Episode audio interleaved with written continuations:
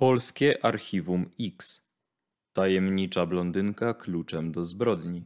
Co stało się z nastoletnim Michałem?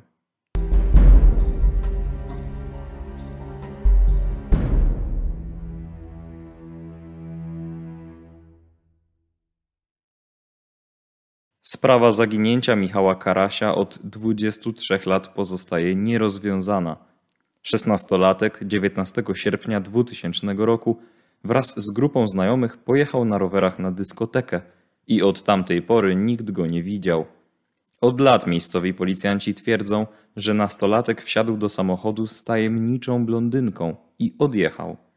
Śledczy nigdy tej wersji nie potwierdzili, a historia została opowiedziana przez wróżbitkę Jagodę. Choć od wydarzeń w Bielinach minęły 23 lata, w wielu mieszkańcach zaginięcie chłopaka budzi emocje. Bieliny to niewielka miejscowość leżąca w województwie podkarpackim niedaleko Niska. To właśnie tutaj mieszkał 16-letni Michał Karaś. O historii chłopaka opowiedziała nam dziennikarka Martyna Sokołowska. Pojechaliśmy do Bielin, porozmawialiśmy z bliskimi Michała, odwiedziliśmy miejsce, w którym była dyskoteka, porozmawialiśmy z mieszkańcami i sprawdziliśmy teren w okolicy Ochotniczej Straży Pożarnej. Bogdan i Mariusz, twórcy krakowskiego Archiwum X, nie mają wątpliwości, że Michał padł ofiarą zbrodni i został zamordowany.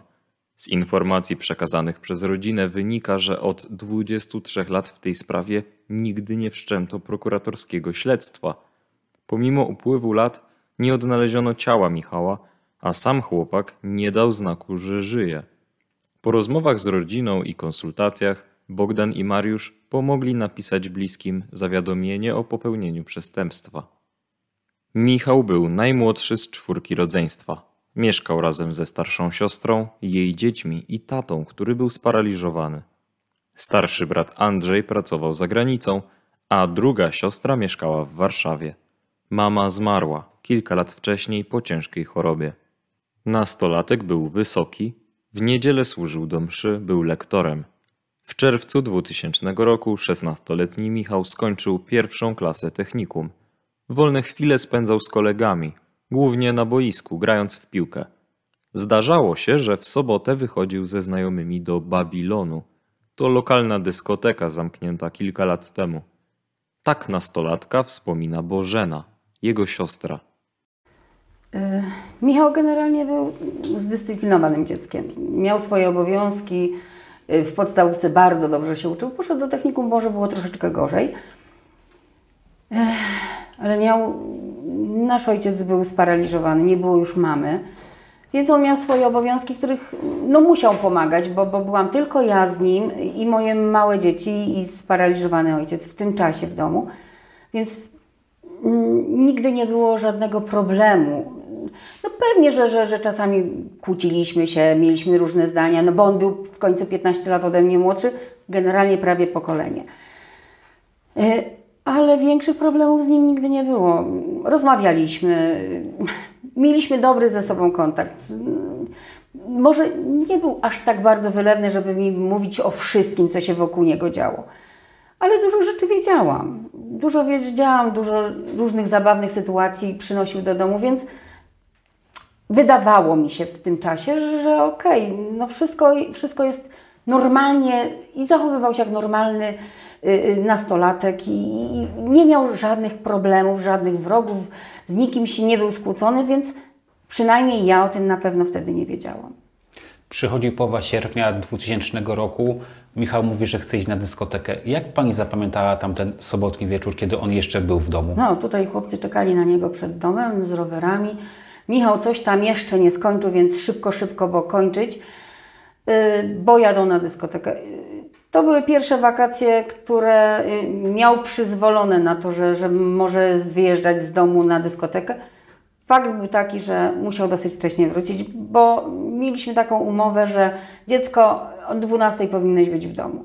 Więc taka była między nami umowa i zazwyczaj tak się działo, że on zawsze o tej godzinie był. Mm, Była na początku jeszcze umowa, że przychodzisz do domu, przychodzisz do mnie, pokazujesz mi się i wtedy jest wszystko w porządku. Yy, więc yy, nic nie wzbudzało, że może być inaczej tym razem. też normalnie ubrał się, tak pod koszulek, spodnie, ciepło, gorąco, sierpień. Rower, parę groszy dostał od taty i to wszystko. I pojechał. Pojechał tak normalnie, pojechał. Bez już- żadnych, bez żadnych, yy, żadnych jakichś tam niedomówień, jakiejś złości między nami. Tak zupełnie normalnie, jak, jak, jak zwykle. Bez, bez niczego. Pojechał z grupą znajomych, to było około 16 osób, czyli bardzo pokaźna grupa. Tak, bardzo dużo ich wtedy pojechało. Nawet yy, wtedy yy, zwróciłam na to szczególną uwagę, sobie myślę tak, oj, jeszcze nigdy nie się Was tylu nie zebrało naraz. Więc to był rocznik, bo oni tak trzymali się w swoim roczniku, bo tu było dużo osób. I, I między nimi było tylko dwie dziewczyny i te dziewczyny też się trzymały właśnie tych chłopaków i, i wszyscy razem jeździli. Fajna była grupa, fajni ludzie. Yy, No fajne środowisko, no dobrze się ze sobą czuli, więc yy, nic nie wskazywało na to, że, że, mm, że między nimi może być jakaś, nie wiem, nie do, jakiejś złości czy coś, no bo wszyscy razem, razem byli. Także Zapytam o tą dyskotekę, do której oni pojechali. To była taka zwykła, lokalna dyskoteka, gdzie raczej pojawiali się sami miejscowi, stali bywalcy. Rzadko zdarzał się, rozumie, ktoś, kto przyjrzał z zewnątrz. Y, Ja to tylko mogę powiedzieć z tego, co, co słyszałam, bo, bo ja tam nigdy nie bywałam na tych dyskotekach, ale, ale tak, ludzie mówili, że y, tam byli ludzie generalnie zazwyczaj ci sami, y, czyli tutaj z okolic się zjeżdżali, bo to, bo to był dosyć duży lokal, więc dosyć dużo osób tam się y, bawiło. I y, każdy z każdego przynajmniej z widzenia znał. Także, że jeżeli ktoś się tam obcy pojawił na dyskotece, no to zazwyczaj z kimś przyszedł i ktoś coś o kimś wiedział. A, mm, ale jak tam faktycznie było? Jak tam, jak tam y, mam znajomych, którzy w tym czasie na te dyskoteki chodzili i, i wszyscy tam się w miarę bezpiecznie czuli, więc myślę, że to. Y, tak na zewnątrz wyglądało całkiem, całkiem zupełnie, całkiem normalnie, jak, jak no, na wszystkich dyskotekach wiejskich powiedzmy, nie? Jest niedzielny poranek, Michał nie pojawia się w domu. Kiedy pani poczuła pierwsze obawy, niepokój? Jak wyglądał ten niedzielny poranek? Od razu, bo nigdy się tak nie zdarzyło, żeby nie przyszedł do domu, żeby nie wrócił, więc od razu było coś takiego, lampka się zapaliła, że coś się musiało wydarzyć, bo, bo nigdy tak nie było. Nigdy, nigdy, bo to zresztą niewiele tych takich razy było, że, że wychodził na, na noc z, z, z domu, więc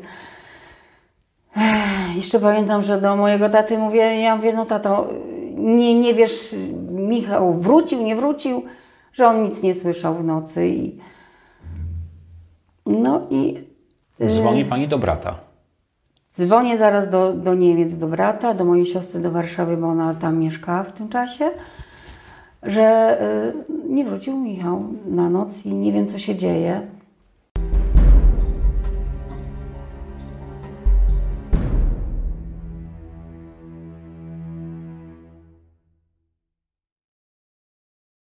Andrzej zapamiętał dokładnie tamte wydarzenia. Była niedziela 20 sierpnia 2000 roku, godzina 9.30, kiedy odebrał połączenie od siostry. Spakował się, wsiadł w samochód i ruszył w drogę.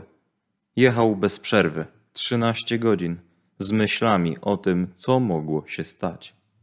Zadzwoniła siostra, że Michał do domu nie wrócił. Co pan pomyślał? To była bomba.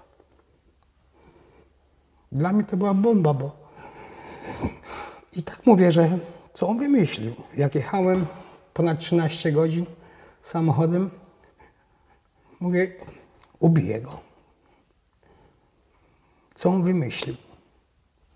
Ale wiem, że nie wymyśli nic. Czuję to. No jeździłem tym samochodem i siostra też ich przywoziła tutaj. No szukamy, czy ktoś go do lasu przywiązał, ktoś sobie żarty zrobił, czy w studzienkach, bo już była kanalizacja tutaj. Nawet ja na pomysł nie wpadłem, żeby patrzeć w studzienki kanalizacyjne, tylko chłopaki mówią, że wszędzie musimy szukać. to nawet żeśmy e, zawiozłem czterech, one by doszły sanem. Het stąd do Bielińca. Może jak się, jak żyje, może gdzieś leży, a jak się utopi, to żeby było ciało tylko, nie? Ale to tyle było myśli w tej głowie mojej, to współczuję sam sobie, jak to się mówi teraz. Kiedy do Pana dotarło, że Michał de facto nie zaginął, jak Pan powiedział, niczego nie wymyślił, tylko że stało się coś złego? Ja już dwa tygodnie już straciłem nadzieję po zaginięciu Michała. Naprawdę straciłem nadzieję. Ale człowiek jeszcze próbował. Jeszcze wszystko próbował, co mógł. Ale nadzieja mi zniknęła. Tamte poszukiwania dały jakiś rezultat, że udało się znaleźć, nie wiem, fragment odzieży Nie- Michała? Nic, nic, ani nic. Ani w lesie, ani w studzienkach, ani nad sanem, nic. Naprawdę. Panie Andrzeju, z tego co Pan mówi, co mówi Pana siostra, co mówią miejscowi, to jest przedziwna historia. Michał jedzie z domu z grupą około 16 znajomych, przychodzą na dyskotekę, gdzie jest bardzo wielu ludzi i Michał rozpływa się w powietrzu, nie ma po nim żadnego śladu poza zostawionym rowerem. Dla każdego, tak jak myśmy rozmawiali w rodzinie i tego zmowa milczenia była, albo naprawdę nie widzieli. No, młodzi ludzie, każdy się bawi jak się umie. Każdy na siebie zwraca uwagę, tylko to mnie właśnie zaskoczyło, że zostawili. Że nie zainteresowali się, nie powiedzieli. Ale to byli młodzi wtedy. Pan myśli, że Michał opuścił to miejsce po dyskotece? Czy być może tutaj coś się wydarzyło? Nie wiem. Nie mogę powiedzieć. Nie mogę powiedzieć. Nikogo nie oskarżam naprawdę. Ale stało się. Co się stało i Przez te 23 lata poszukiwań prawdy ktoś do Pana przyszedł, powiedział Andrzej, słuchaj, mam taką informację, widziałem to i to. No, Tylko tak w międzyczasie rozmawiam z kolegami, co to oni powiedzieli mi, Andrzej, on był nie w tym miejscu, gdzie powinien. Po co on patrzał? To jego zgubiło. Takie słowa były tutaj od paru kolegów z tej miejscowości. czyli mógł coś zobaczyć tu w okolicy. Co nie powinien zobaczyć, nie być w tym miejscu, co był. Tak mi powiedzieli. Pan myśli, że ktoś z miejscowych, ewentualnie ktoś, kto był częstym bywalcem, mógł zrobić mu krzywdę? Nie, bo jak pan zauważył, wszyscy są kolegami. Sam pan widzi, że bez niczego otwierają i, chcą pomóc. Nie, tu nasi to nie, nigdy, nigdy w życiu. Nie myślę, żeby tu z, z tych okolic koledzy zrobili mojemu bratu krzywdę. Nie myślę. Po zaginięciu Michała wy właściwie chwytaliście się każdej nadziei, każdego tropu. Ja wiem, że jeździliście do Jasnowidzów. Jak wyglądały te wizyty i co oni wam mówili? Powiem tak, że byliśmy na samym początku y, w Harasiłkach u takiej jasnowickiej. Ona lała woskiem.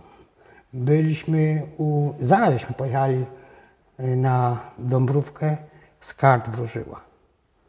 I oni, one mówiły to samo. To dziwne było dla mnie. One dawały jakieś nadzieje na to, że Michał żyje? Nie, właśnie od nich się zaczęło, że blondynka. To my żeśmy policji, że blondynka tego i te, i te panie właśnie mówiły, że to blondynka y, go wzięła do samochodu, zaciągnęła. Czyli właściwie historia blondynki powtarzana przez policję od lat To wzięła się z wizji pani Jasnowic. tak jest, jednej i drugiej. Czyli de facto policja przez lata mogła szukać osoby, która kompletnie nigdy nie istniała. Możliwe. Ale on mógł tylko tańczyć z tą blondynką tu w tym miejscu i później się rozejść. No to jest oczywiste dla mnie, nie? Poza tym żyjemy w kraju, gdzie można powiedzieć, że co druga, trzecia kobieta jest blondynką. No właśnie, no. Zapytam też o tą blondynkę, dlatego że ta wersja jest taką wersją wiodącą, natomiast nikt z ówczesnych osób, które były na dyskotece, właściwie tego nie, potwierdzili. zeznał. Nie potwierdzili. Nikt nie I potwierdził. rzekomo, skoro policja miała mieć ten, tą informację od świadków, to właściwie dlaczego nie sporządzono portretu pamięciowego tej kobiety? Yy, przepraszam za to pytanie. Nie odpowiem, bo policja w ogóle nas nie przesłuchiwała. I co byłem niecałe trzy tygodnie wtedy w Polsce, co przyjechałem, i po, to ja policji nie widziałem. W ogóle policja się nie interesowała tym. Pana siostra powiedziała mi taką historię, że kiedy zgłosiliście to zaginięcie na policję, jeden z policjantów zasugerował, że Michał uciekł i że kiedyś musi być ten pierwszy raz. No to było bolesne. Co pan sobie wtedy pomyślał, że w ogóle. No, Prawdę mam powiedzieć? Tak, Mm, To nie powiem, co czułem. Nie powiem prawdy, ale żeby nigdy w życiu jego to nie spotkało. Tyle mogę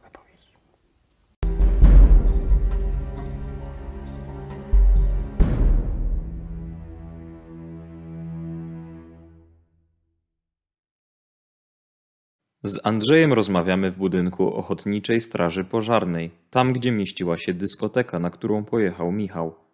Aby dotrzeć do budynku, trzeba skręcić przy sanktuarium świętego Wojciecha, pokonać wąską drogę między domami i skręcić w prawo. Jednostka znajduje się na skraju lasu.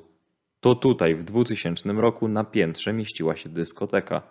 Z Andrzejem, bratem Michała, jedziemy do budynku OSP.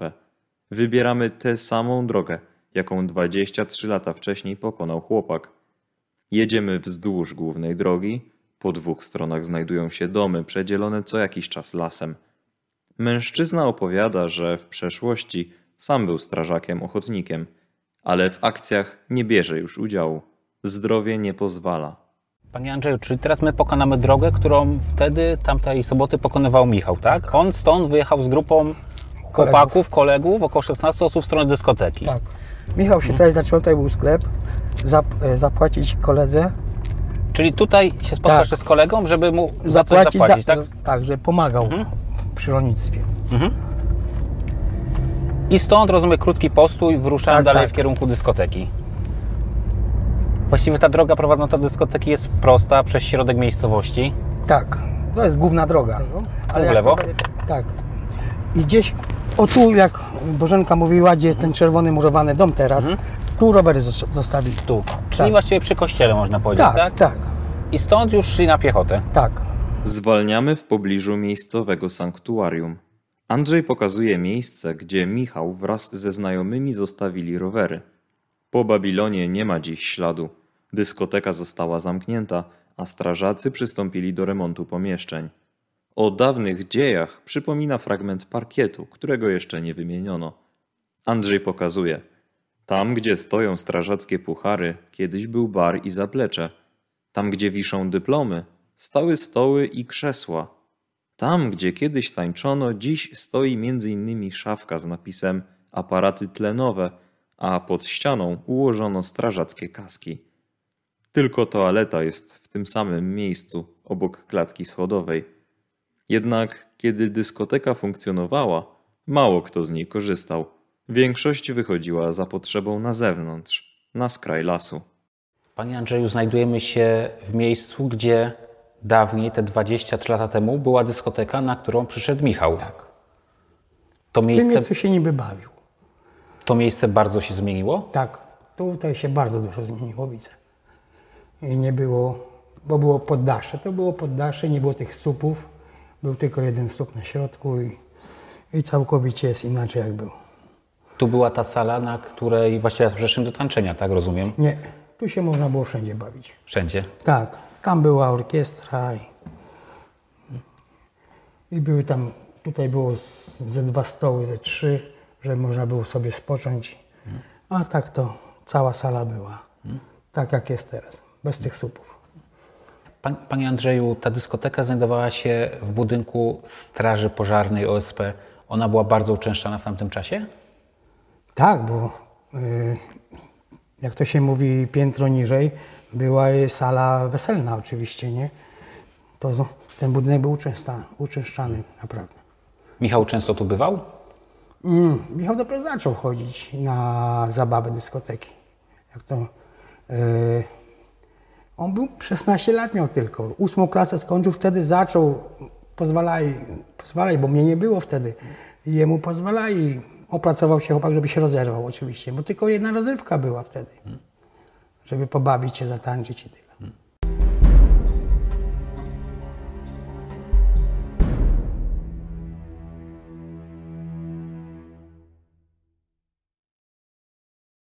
Poniedziałek rano 21 sierpnia 2000 roku, kilkanaście godzin po zaginięciu, Bożena zgłasza na policji w Nisku zawiadomienie o zaginięciu brata.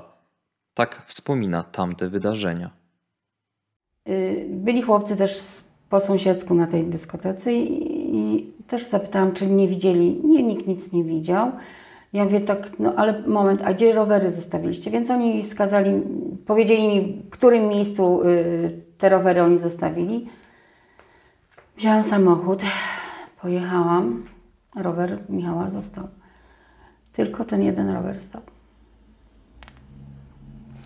Ci młodzi ludzie, z którymi był Michał, oni coś mówili o tym, co wydarzyło się na dyskotece. No, pojechali w około 16 osób, siedzieli grupą. Ktoś coś musiał widzieć.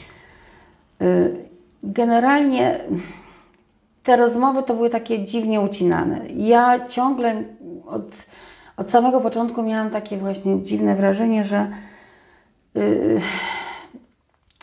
albo nie chcą o tym mówić, albo boją się o tym mówić.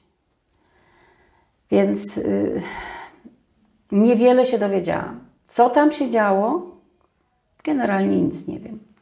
Od y, chłopców nigdy się niczego nie dowiedziałam, że jak to wyglądało. Było tylko gadka, że pił jakieś piwo w puszce, chyba w puszce, ale nic więcej, nic generalnie więcej nie wiedziałam.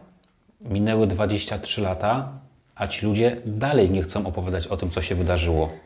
No właśnie, niewiele osób cokolwiek chce powiedzieć, chociaż takie różne są. y, No nie wiem na ile to są y, takie sprawdzone, czy, czy, czy oni na, pe- na pewno to pamiętają, czy może to takie, y, nie wiem jak to, jak to ująć, y, że komuś się coś ciągle powtarza i ten w to po prostu uwierzy wtedy. W poniedziałek, właściwie półtora dnia po zaginięciu Michała, jedziecie na policję zgłosić jego zaginięcie do Niska. Tak. Jak to wyglądało?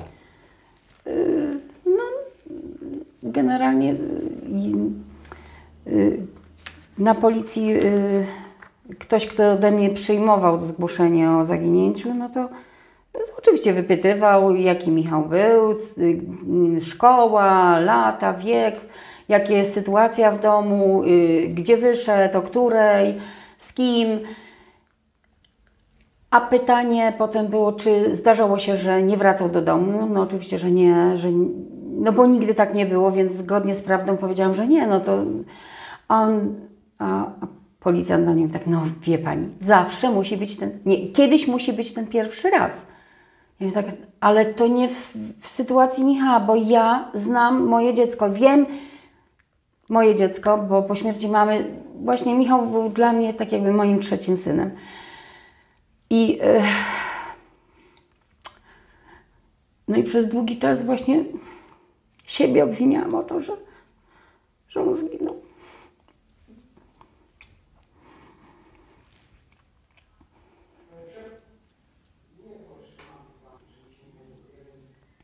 Czyli można powiedzieć, że na początku policja właściwie niewiele zrobiła, jeśli nic nie zrobiła i właściwie państwo na własną rękę prowadzi te poszukiwania z tego, co rozumiem. Y, tak, no bo, mm, bo w- niedzielę już jak y, zadzwoniłam do Andrzeja, do Niemiec, że, że nie ma Michała, że nie wrócił, to Andrzej mało myśląc wsiadł do samochodu i zaraz na drugi dzień już był w domu. I zaczęliśmy Andrzej zorganizował grupę swoich kolegów i y, zaczęli poszukiwania, więc tam przeszukiwali lasy, jakieś rowy, jakieś brzegi sanu, y, studzienki kanalizacyjne. Zrobiliśmy y, plakaty, rozwiesz, rozwieszali, jeździli, pytali. Nic to nie dało. Ja oczywiście z moim mężem zaczęliśmy szukać trochę w inny sposób, bo zaczęliśmy odwiedzać różnych jasnowidzów. Ktoś, kto mia, ma wizję. Chwytali się Państwo każdej nadziei. Tak, oczywiście, że tak. No bo, bo, no bo, bo nie było innego wyjścia, skoro hmm, policja nawet nie raczyła przyjechać tutaj do nas, y, no bo mnie się tak przynajmniej wydawało, że skoro zaginęła osoba małoletnia, no to ta akcja powinna trwać od razu, tak? A to jak ktoś się do nas zjawił po z okładem prawie, no myślę, że dwóch tygodni, to takie trochę. I my y, w międzyczasie szukaliśmy, jeździliśmy od jakiejś, gdzieś tam za Radomyśl, jeździliśmy do jakiejś pani Jadwigi, ta nas do jakiejś Franciszki od, od, y, odwiozła gdzieś, żebyśmy za Chrubieszów pojechali, więc jeździliśmy od... I tam u nich zaczęło się pojawiać. Jasny samochód typu van, jakaś dziewczyna, blondynka, jakieś, że on nie z własnej, z własnej woli wsiada do, samo, do samochodu, że, że jedzie przez jakiś most. To wszystko były takie urywane wizje. I jak y, policja do nas y, przyjechała, to ja oczywiście o tym powiedziałam, że, że takie, takie, takie rzeczy, takie, takie wiadomości mam, ale nie od nikogo konkretnego, od jakiejś konkretnej osoby, która była na tej dyskotece, tylko właśnie od tych wizjonerów, że, że coś takiego mogło się wydarzyć, więc próbowałam tak jak gdyby dać, ja tak myślałam, że może jakiś trop, coś w tym stylu, że, że jeżeli powiem o tym, no to może coś przybliżę w tych poszukiwaniach Michała. Czyli jeśli dobrze rozumiem, to jedna z tych y, pań Jasnowic, pani Jadwiga, powiedziała o jasnym wanie, o jakiejś blondynce, z którą rozumiem Michał miał być, nie wiem, w środku widziany i pani tą informację przekazała policjantom, którzy tak. po około tak. miesiącu przyjechali do państwa do domu. Może wcześniej niż miesiącu, może to, to nie, nie był miesiąc, nie? ale w każdym razie wydarzenie było w sierpniu, a oni na pewno nie wcześniej, jak we wrześniu byli u nas tutaj w domu, żeby, żeby przesłuchać nas. Y, I tak, ja te informacje, które już zdobyłam od tych właśnie y, jasnowidzów, przekazałam policji. Oczywiście, że przekazałam, że, że szukam na własną rękę też. Pytam o to nie bez kozery, ponieważ potem policja jakby podała tę informację dalej, że rzekomo Michał miał być widziany, jak wsiada do samochodu y, z pewną blondynką. Policjanci nie powiedzieli, że ta wiedza pochodzi od jasnowidza i właściwie przez lata ta historia była powtarzana, a de facto nikt z osób będących wówczas na dyskotece o tej postaci w ogóle nie mówił. Ja o tym nie słyszałam od nikogo. Generalnie od nikogo nie słyszałam. I to, że y, po latach teraz wypłynęło, że policja twierdzi, że wiedzą od świadków, że jest, była blondynka, to było dla mnie trochę zaskoczeniem, bo wcześniej ja o tym naprawdę nie wiedziałam. Ja tą informację naprawdę tą informację y, z tego, co pamiętam, bo, bo być może pamięć ludzka jest ulotna. Ja w, ta, w tamtych chwilach żyłam jak w amoku i jestem pewna, że te informacje sama dostarczyłam policji. Czyli to może być tak, że pani dostarczyła wizję jasnowidza, który widział Michała z blondynką. Policjanci zaczęli tą wizję przedstawiać, jakoby rzekomo pochodziła od świadka, i właściwie ta historia zaczęła żyć własnym życiem, że wielu w nią po prostu wierzyło, że tak było. Tak, tak. Generalnie tak przypuszczam. Że tak mogło być właśnie, że y, to, co, co było takie, takie tylko mm, mm, wizjonerskie, okazało się, że oni to sobie przyjęli, że tak faktycznie było. W istocie tak było i że świadkowie to widzieli. Czyli policjanci przez lata mogli szukać osoby, która de facto w ogóle nie istnieje. Nie jestem przekonana, czy w ogóle szukali kogoś takiego, bo gdyby mieli zamiar szukać tej rzekomej blondynki, to mm, no, powinien być jakiś, y, jakiś y, nie wiem, mm, portret, ktoś coś o kimś.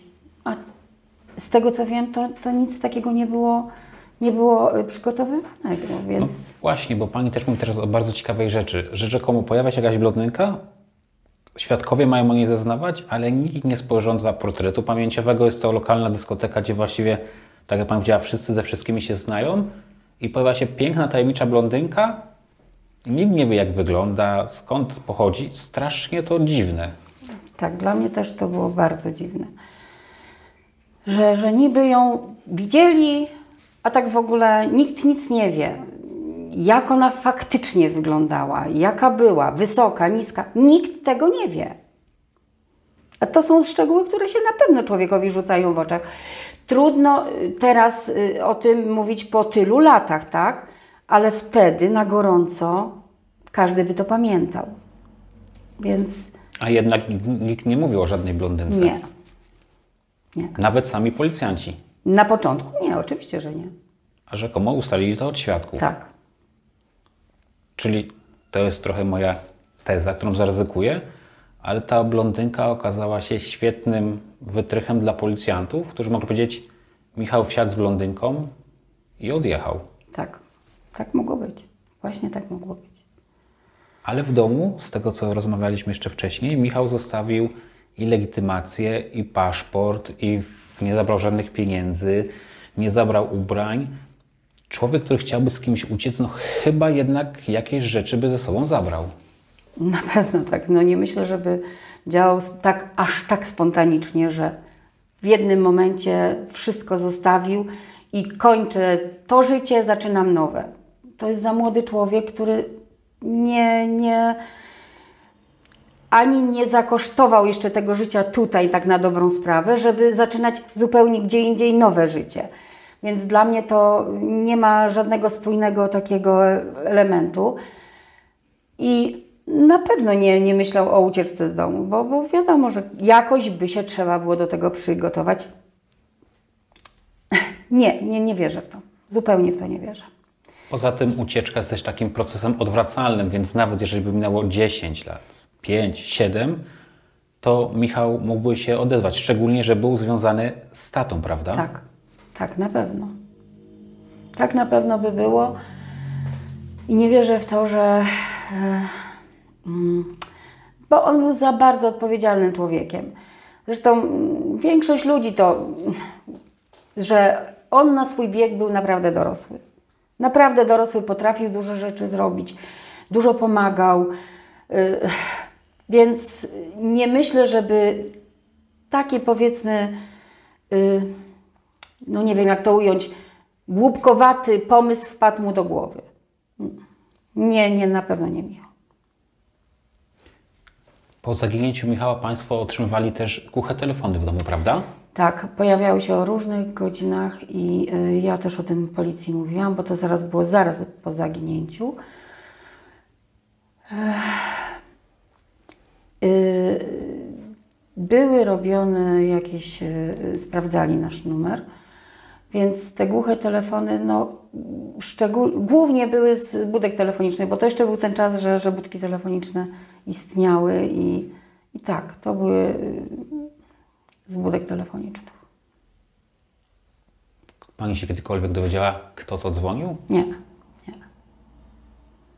Nie, nigdy nie wiedziałam, czy to było. Nie, nie, czy to był taki.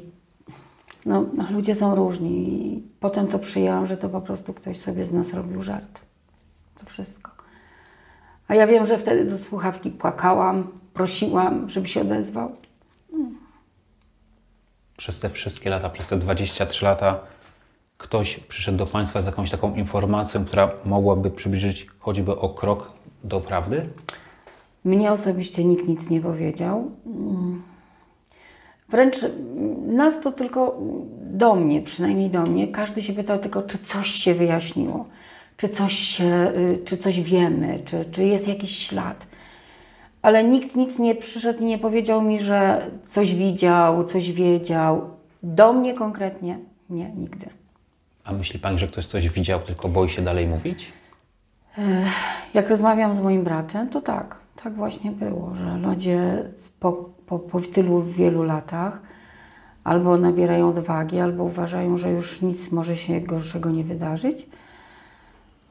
Twierdzą, że, że znalazł się w nieodpowiednim miejscu i nieodpowiednim czasie.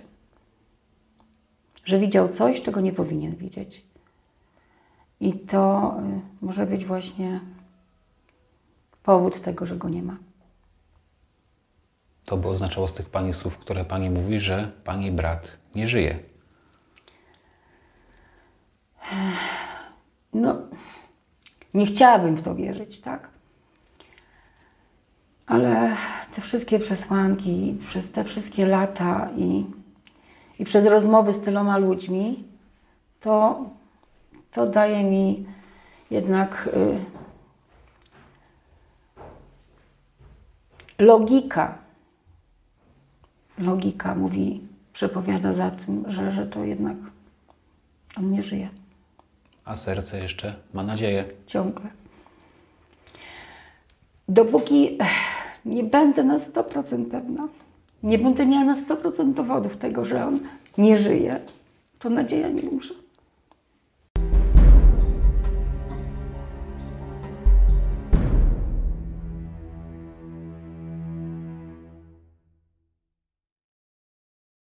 Bliscy Michała po zaginięciu chwytali się każdej nadziei. Bożena i Andrzej po latach nie pamiętają, kto dokładnie podpowiedział im wizyty u jasnowidzów. Miejscowi, z którymi rozmawiamy, w wersję policji nie wierzą. Mówią wprost: niech się zajmą Markiem K. On coś wie. Kiedy zaginął Michał, Marek K. miał 30 lat i był współwłaścicielem dyskoteki. Jako młody człowiek wyjechał do Legii Cudzoziemskiej. Po zniknięciu chłopaka zagadywał on do Andrzeja, brata Michała, chciał stawiać mu drinki i obiecywał, że pomoże w poszukiwaniach. Na słowach się skończyło. Dwa lata po zniknięciu chłopaka K wyjechał z Polski. W 2013 roku prokuratura wydała list gończy. Mężczyzna został zatrzymany we wrześniu 2016 roku na lotnisku w Nowym Jorku. Prokuratura zarzuciła Markowi K., że przez cztery miesiące 2002 roku kierował tak zwanym gangiem kantorowców. Grupa zajmowała się napadami na banki i kantory.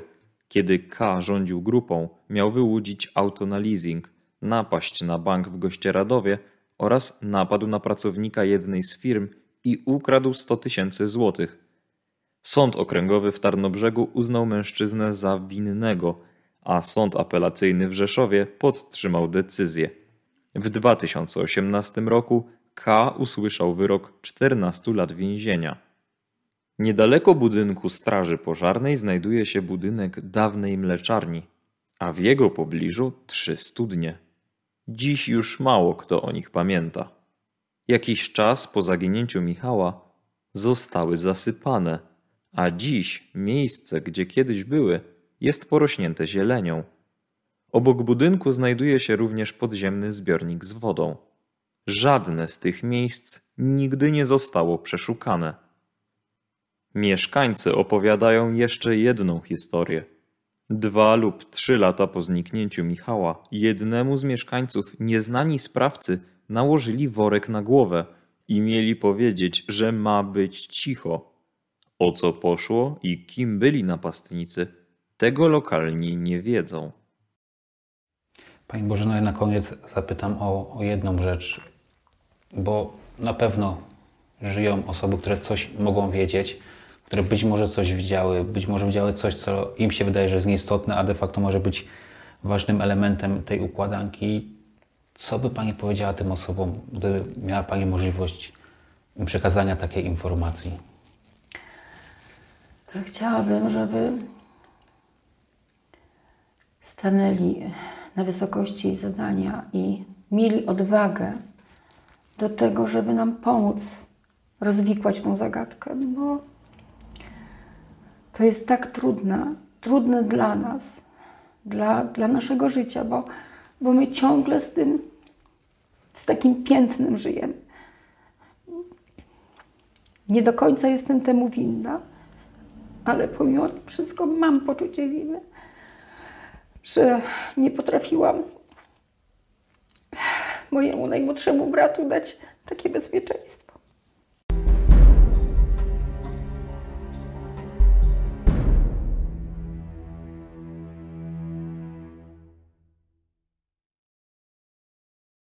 Gdyby Pan mógł powiedzieć coś osobom, które być może mają wiedzę w tej sprawie, być może coś widziały, być może się boją, to co by to było? No minęło 23 lata.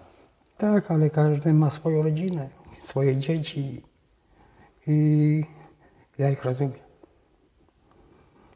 Że się boją i, i boją się o swoją rodzinę.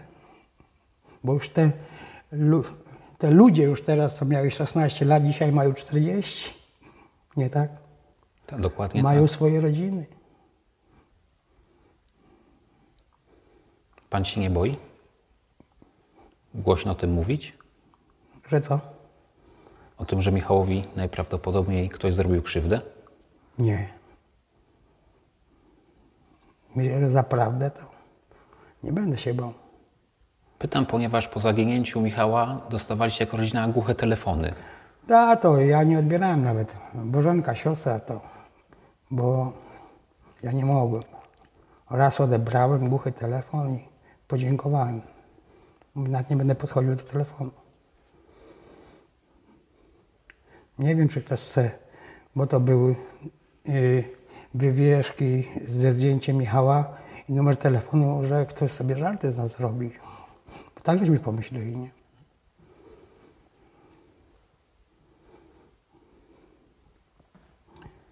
To był przykry okres to był. Pierwszy raz się cieszyłem, że wyjeżdżam stąd, że się mi urlop kończy.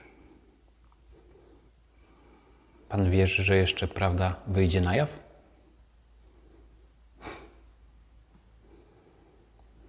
Myślę, że tak. Mam nadzieję, że tak.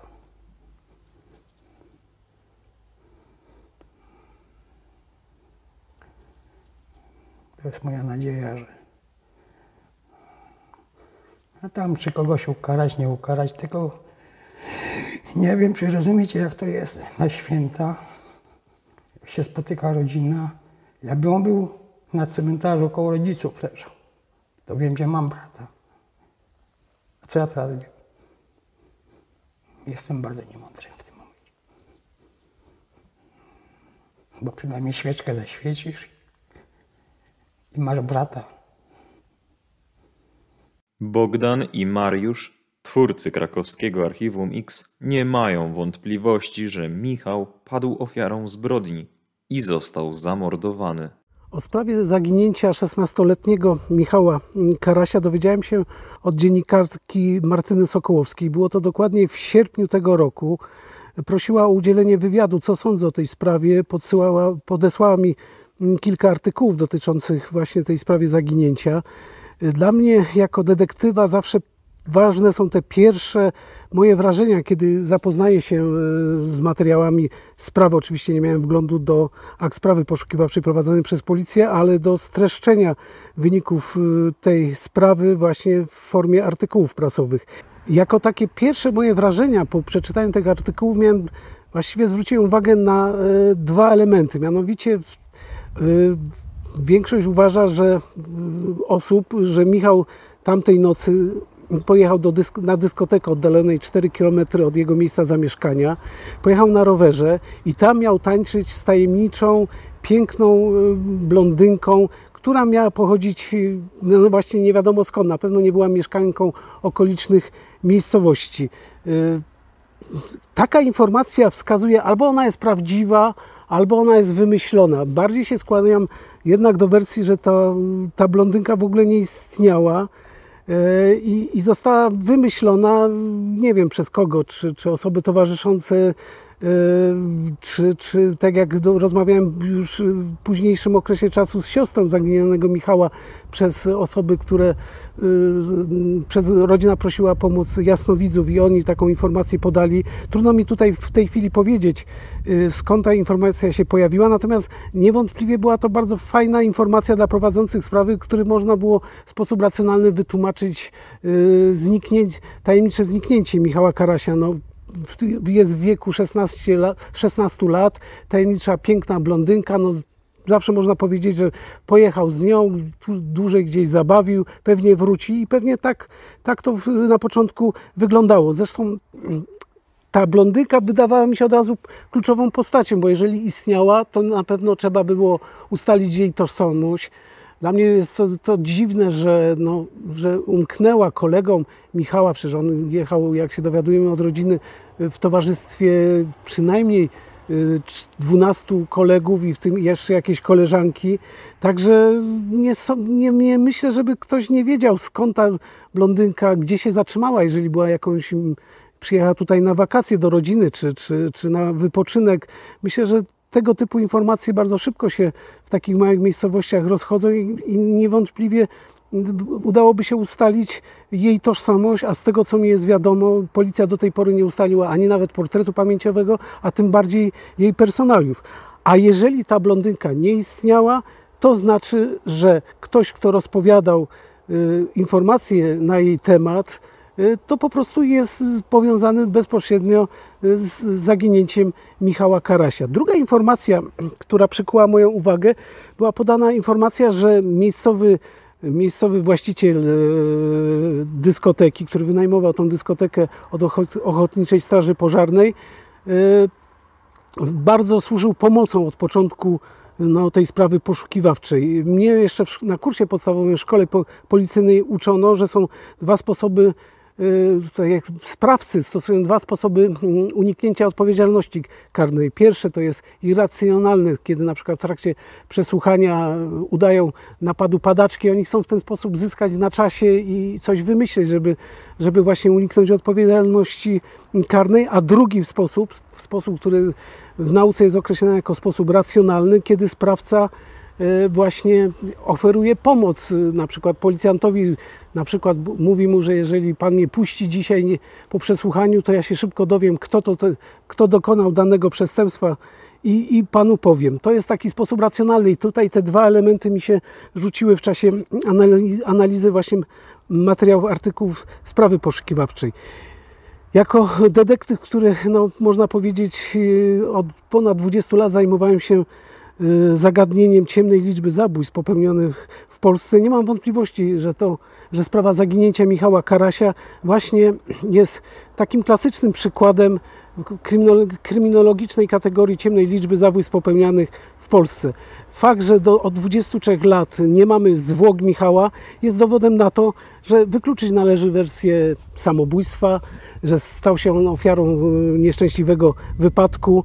Z okoliczności sprawy wynika, że udając się na dyskotekę nie wziął nawet żadnej legitymacji szkolnej, został jego paszport w domu, miał kilka Y, złotych, y, które otrzymał od ojca na dyskotekę przy sobie, nie brał żadnej odzieży, także w żaden sposób, zresztą był odpowiedzialny i nigdy nie zdarzyło się, żeby nie wrócił na noc, także tutaj też należy wykluczyć, że Michał tego dnia, 19 sierpnia 2000 y, roku podjął decyzję o oddaleniu się od miejsca zamieszkania. To w ogóle nie pasuje, zresztą zawsze w tej kategorii ciemnej liczby zabójstw trzeba określić właśnie rytm osoby zaginionej i z tego rytmu całkowicie wyłania się obraz, który jest sprzeczny, żeby, żeby Michał oddalił się z rodziny, od rodziny i gdzieś zamieszkał w innym miejscu. Zresztą w dzisiejszych czasach nie da się żyć bez telefonu komórkowego, bez rachunku w banku. Y, wszystkie osoby są rejestrowane w Narodowym Funduszu Zdrowia i wystarczy tylko posprawdzać tych wszystkich miejscach, które wymieniłem, czy, jaki, czy kiedykolwiek była nawet jakaś próba właśnie założenia numeru telefonu, czy, czy, czy udzielenie pomocy medycznej, a w całym sprawdzeniu, czy osoba żyje. Jeżeli takich informacji nie ma, jest to dowód na to, że osoba nie żyje. Fakt, że nie ma zwłok, zazwyczaj, to też wielokrotnie na łamach naszego kanału opowiadałem, wskazuje na, na to, że mm, że sprawca i ofiara są ze sobą powiązani, że sprawca wywodzi się z tak zwanego pierwszego kręgu ofiary, czyli to jest rodzina, e, e, albo z drugiego, czyli znajomi z pracy, ze szkoły, ale też, to też może sugerować, że dokonała zabójstwa członkowie zorganizowanej grupy przestępczej, którzy mają środki właśnie do ukrycia, no a w jaki sposób, jeżeli tutaj informacje mm, prasowe wskazują, że po zaginięciu Michała okazało się, że jeden z właścicieli dyskoteki no, prowadził y, grupę przestępczą, także o charakterze właśnie zorganizowanym. Także tutaj nie mam wątpliwości, że Michał Karaś nie żyje i Y, został pozbawiony ży życia przez osoby trzecie.